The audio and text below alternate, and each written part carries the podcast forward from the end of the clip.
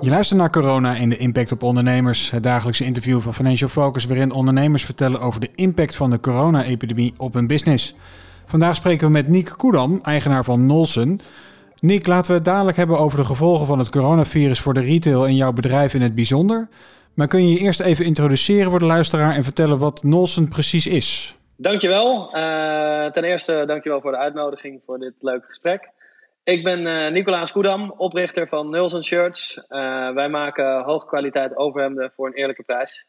Uh, zo kunnen jonge mannen vanaf 49, 95 bij ons terecht voor een mooi getailleerd shirt die je zowel casual als formeel kan dragen. En dat verkopen we direct naar de consument via onze eigen winkel hier in de Pijp in Amsterdam. En via onze webshop en ja, wat je zegt, je hebt dus een, uh, een, een winkel in Amsterdam uh, en je bent ook echt online uh, retailer. in het, in het, in het pre-corona-tijdperk, wat was de verdeling een beetje? Wat, wat was het belangrijkste? De belangrijkste was en is de webshop, maar de winkel was zeer rendabel. Er werden een hoop shirts verkocht in de winkel, omdat we verkopen geen t-shirts. Mensen willen toch altijd even de mogelijkheid hebben om te zien hoe het op de schouders zit, mouwlengte lengte van het shirt. Dus die komen graag hier passen. Maar uh, uiteindelijk weet ik wel dat de toekomst dat ligt in, uh, in online verkopen. Maar als je het de klant zo makkelijk mogelijk kan maken door uh, een fysieke paslocatie te geven, dan, ja, dan is de winkel nog steeds hartstikke belangrijk. En dat doet het nog steeds hartstikke goed. Maar nu zijn we even dicht. Ja, ja, ja daar komen we zo op. Um, hoe ben je eigenlijk op het idee voor Nolsen gekomen? En, en waar komt die naam eigenlijk vandaan? Dat is een goede vraag. Uh, ik, zat, uh, ik heb gestudeerd op Nijrode. Daar moest je elke dag redelijk netjes uh, voor de dag komen. Je had vaak presentaties en dat soort dingen. Ik had het, de mazzel dat ik met mijn moeder vaak op stap ging naar Milaan. shirts te kopen. En dat waren hartstikke mooie shirts. Het probleem was dat die shirts vaak zeer duur waren. Dus uh, toen ben ik uh, gaan kijken van waar kan ik nou een goed shirt vinden uh, zonder dat ik de hoofdprijs betaal. je hebt de Zara's en de H&M's, die hebben een lage prijs, maar slechte kwaliteit. En meestal niet echt shirts die je ook formeel kan dragen. Dan heb je weer het uiterste, dat zijn de Profomo's, de, de Suit Supplies en andere duurdere merken van deze wereld. Goede kwaliteit, mooie fit, maar wel zeker twee keer zo duur als wat wij doen. Dus toen dacht ik van, uh, daartussen zit niks. En toen ben ik uh, Nulsen shirts gaan oprichten. Een goed shirt uh, die kwalitatief te vergelijken is met uh, de duurdere spelers. Maar in prijsgebied te vergelijken is met de goedkopere spelers van deze wereld. Ja. Nou, dat was eigenlijk een gat in de markt. Toen dacht ik van ja, hoe ga ik het dan noemen? Want nou, als je overhemden gaat doen, kom je al snel in de Italiaanse richting. Dus ik had eerst tien Italiaanse namen opgeschreven. Maar toen dacht ik van ja, dat, uh, daar trappen de mensen niet meer in. En uh, ik wil uh, eigenlijk drie dingen uitstralen. Eén is, ik wil de jongere man warm maken om te kunnen kopen. Nou, jongere mannen houden over het algemeen van Scandinavische merken. Twee, het design van de kleding. Onze shirts zijn gewoon wit, lichtblauw, donkerblauw. Simpel, clean design. Geen bloemetjes in de boord, geen rode knopen. Het is gewoon clean en netjes. Ja. En nummer drie, mensen hebben bij uh, Scandinavische merken altijd een goede prijs-kwaliteitsperceptie. en uh, nou ja, dat paste hier ook perfect in. Dus ja. zo is Nolsen een keer naar buiten gekomen. Toen deed ik een streepje door die eu en toen werd het Nulsen. En zag het er Scandinavisch uit. Dus dat was een schot in de roos. Ja, ja, en je zegt net zelf al van ik, ik zit er eigenlijk een beetje tussenin qua prijs-kwaliteit verhouding. hoe, ja. krijg, hoe krijg je dat voor elkaar? Ja, de reden is eigenlijk omdat wij uh, een uh, direct-to-consumer strategie hebben. Wij uh, leveren niet aan retailers. En dat zorgt ook dat we dus net genoeg marge hebben om hier ja, een, een, gezond bedrijf van te kunnen maken. dat was lastiger geweest als je voor 49, 95 shirts gaat verkopen aan, aan winkeliers. En ook dat business systeem, ja, dat zal later misschien in dit gesprek ook wel komen. Maar via retailers verkopen in uh, dit soort tijden van coronacrisis uh, is ja, gedoemd om te falen. En dat zal ook zorgen dat er na deze tijd uh, ja, de, de, online business direct to consumer echt ja, nieuwe stappen gaat, gaat maken. Ja, ja. Hoeveel, hoeveel medewerkers heb je? Nul. Nul, je bent echt in je eentje. Dus je staat ook ja. zelf in de winkel normaal gesproken. Ik sta zelf in de winkel. Ik heb wel één part-timer die hier heel goed helpt. Uh, is een jonge gozer, die is student en die werkt hier voor zijn ja, bijverdienst erbij. Mm Superleuke gozer en die werkt hier nu onderhand ook alweer een jaar. Ja. maar echt officieel fulltimers ben ik de enige. Oké. En ehm, ik, ik heb ergens gelezen in een oud interview dat jij meer een, een analyticus bent dan een modeman. Je bent meer van, de, je bent meer van de Google Analytics dan van, van de, de, de, de stofstaaltjes. Klopt dat? Klopt, ja. Ik ben van origine een handelaar. Uh, altijd in de handel gezeten. Van schoenen uh, die ik vanaf mijn veertiende begon te verkopen... tot en met uh, winterjassen die ik op mijn zestiende verkocht voor het hele land. En ja, de handel heeft me ook, de liefde voor handel heeft ook bijgedragen aan dit avontuur. En uiteindelijk, kijk, ik vind het heel belangrijk dat de shirts bijzonder mooi zijn, dat de doeken van hoge kwaliteit zijn. En daar heb ik onderhand wel het een en ander in geleerd. Maar uiteindelijk zijn het de cijfers die niet liggen en die moeten goed zijn. Ja, ja. Um, je, je handelt veel in, met, met, met China. Um, ja. Dus jij had wel snel door dat het niet helemaal lekker ging in de wereld, denk ik. Nee, ja, ik heb redelijk korte lijntjes met mijn uh, producenten. Ik heb twee verschillende producenten. één grote producent en één uh, familiebedrijfje. met beide producenten heb ik goed contact. Nou ja, eerst was het natuurlijk het Chinees nieuwjaar. Daar weet je van dat het even een maandje stil ligt. dus je moet gewoon zorgen dat je in de kerst, de, de decembertijd, dat je genoeg voorraad hebt om in ieder geval die maand door te komen. dat had ik. En toen kwam dat corona-probleem. En daar hoorde ik van mijn producent al wel dat ze gewoon thuis blijven en dat het geen geintje was dat de mensen doodgingen daar. Uh, en ik ken China een beetje. Uh, als er één ding is wat ze graag doen, dan is het werken en geld verdienen. Als zij de hele economie op slot zetten om een virus te bestrijden, dan is dat uh, Dan is het menens. Ja. ja, ja. Had je, je, je hebt veel contact gehad, zeg je. Maakte je ook zorgen direct? Ook voor, zeg maar, voor de Nederlandse situatie en voor, voor je eigen portemonnee eigenlijk? Ja, ik maakte me zorgen. Uh, aan de andere kant, kijk, veel mensen die. Uh, ik heb altijd een hekel aan mensen die klagen over het weer. Het zijn van die dingen waar je niks aan kan doen. Uh, behalve dat je kan zorgen dat je voor jezelf goed voorbereid bent en een paraplu hebt. En dat is hetzelfde wat ik hier gedaan heb. ik wist een beetje wat er. Tenminste, je weet nooit precies wat er komen gaat. Maar mocht het zo slecht worden als in China. Dan weet je in ieder geval dat de mensen thuis moeten blijven. Uh, en dat houdt in dat de winkel dicht zou moeten of uh, ja, geen, geen rendabele winst zou draaien. Dus uh, ja, ik ben eerst gaan afwachten wat onze overheid is gaan doen. Ik heb alle kosten naar nul gebracht, advertenties even uitgezet om te kijken van wat gebeurt er. Want dat is uiteindelijk onze grootste kostenpost, dat is online advertenties. En nou ja, nu weten we dat we allemaal tot en met juni hier gewoon achter onze keukentafel zitten. Dus de advertenties staan nu weer aan. En uh, online orders worden gewoon elke dag nog verwerkt. En uh, ja, business is booming. Ja, welk, heb je nog meer maatregelen genomen of waren, waren dit ze? Nou, ik, nu, nu komen er een paar andere maatregelen in de vorm van uh, hoe gaan we het doen met. ik had een hele grote marketingcampagne staan, waar we door heel Amsterdam ook zeg maar fysieke marketing doen. Dus niet online marketing, maar ook op abris door de stad heen, op billboards en dat soort dingen.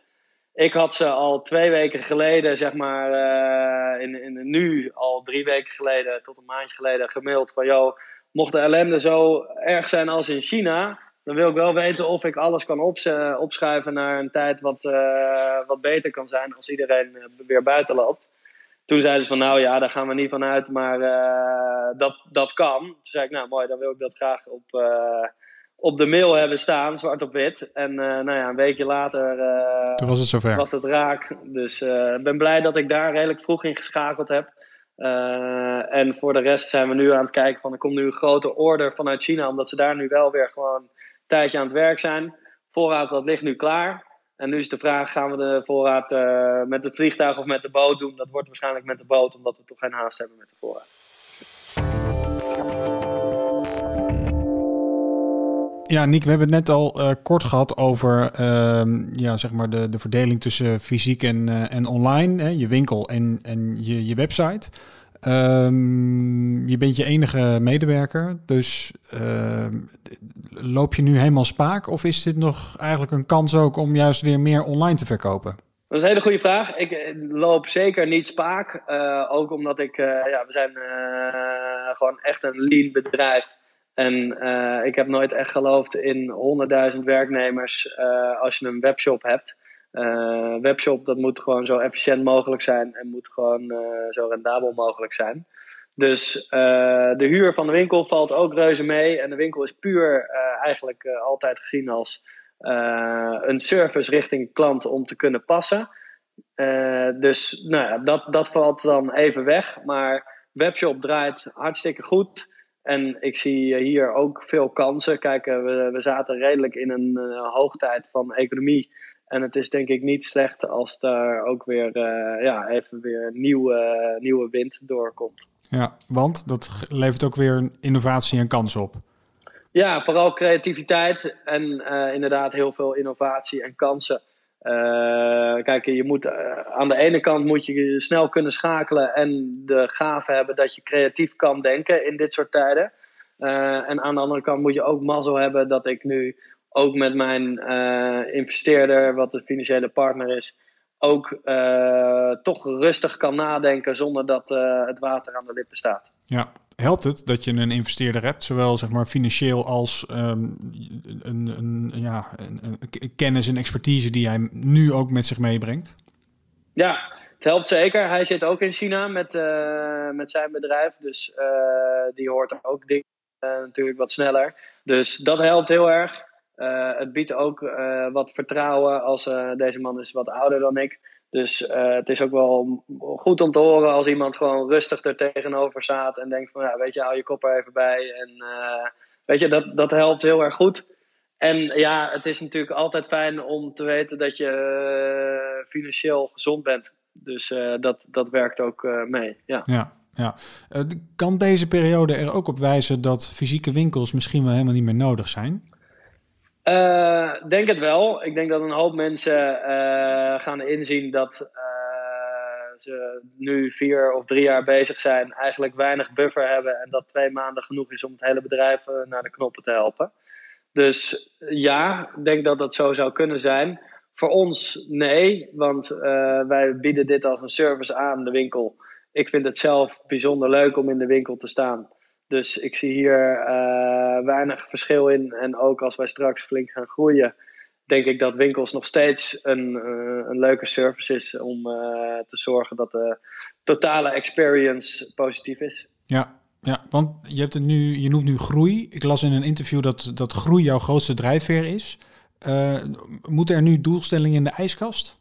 Veel van de plannen die wij gemaakt hebben voor 2020 worden wel opgeschoven. Uh, waar we die grote uh, marketingcampagne hadden staan uh, voor mei, ja, gaat hem natuurlijk nu niet worden. Dus dat wordt opgeschoven naar de maanden dat mensen weer over straat gaan lopen.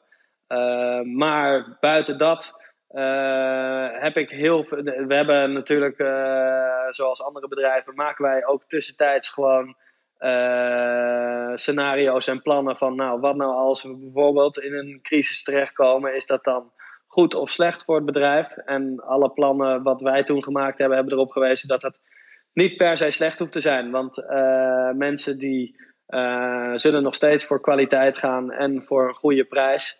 En ik denk dat, uh, en ik zie nu ook in zo'n crisis dat het nog niet negatief heeft uitgepakt voor ons. Nee, ja, hey, en je zei net al, ik, ben, eh, ik heb de online advertenties weer aangezet. Ik kwam ook tegen dat je een bepaalde kortingsactie op je website nu, uh, nu uh, geeft. Is dat onder de noemer, ik, ik probeer er nog wat van te maken? Of hoe moet ik, hoe moet ik dat zien?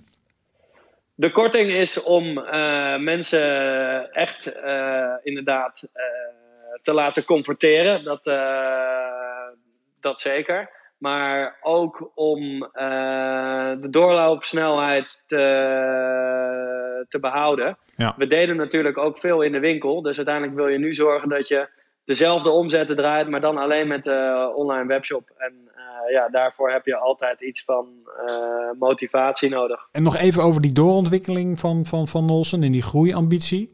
Zie jij de groei daarin meer in uh, nieuwe winkels, uh, andere plekken aandoen? Of zit het in uh, een ander productportfolio? Dat je bijvoorbeeld t-shirts of broeken of whatever erbij neemt. Want je, op dit moment zijn het alleen maar goede kwaliteit basisshirts. Klopt, ja. Nu doen we echt alleen overhemden. ik kan wel met veel trots over een maandje een heel mooi product bijkomt. Wat ook vergelijkbaar is met een overhemd. Dus het is upperwear, maar het is meer een, ja, een, nette polo. dus die, die komt binnen en ik denk dat dat ook wel een, ja, gaat een hele mooie toegevoegde waarde zijn in onze uh, productcatalogie. Maar uh, tot nu toe geloof ik er wel in dat uh, focus op een product uh, ja, heel succesvol kan zijn.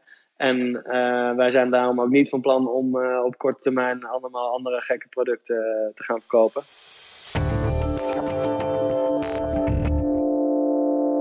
Ja, Niek, ik, ik, wil je heel erg hartelijk danken voor je tijd in deze uh, roerige tijden. Tot slot nog een laatste vraag. Heb jij nog tips voor andere ondernemers? Wat zouden ze nu juist moeten doen of juist niet? Nou, als je de mogelijkheid hebt om online te verkopen, uh, je ziet het zoals restaurants dat doen. Die zijn nu ook bezig met online afhaal dingen te creëren. Dus probeer zoveel mogelijk online te doen. probeer je kop erbij te houden en probeer gemotiveerd te zijn. kijk, elke crisis slechte tijden. Uh, en ik denk juist dat het voor uh, de meeste ondernemers die hebben dat talent en uh, om, om juist gemotiveerd te zijn in dit soort moeilijke tijden en gewoon gas te willen geven. Oké, okay, dankjewel voor je, voor je tips en je mooie verhaal. Dit was Corona en de impact op ondernemers. Morgen spreken we een andere ondernemer over de gevolgen van de corona-epidemie op zijn of haar business. Bedankt voor het luisteren.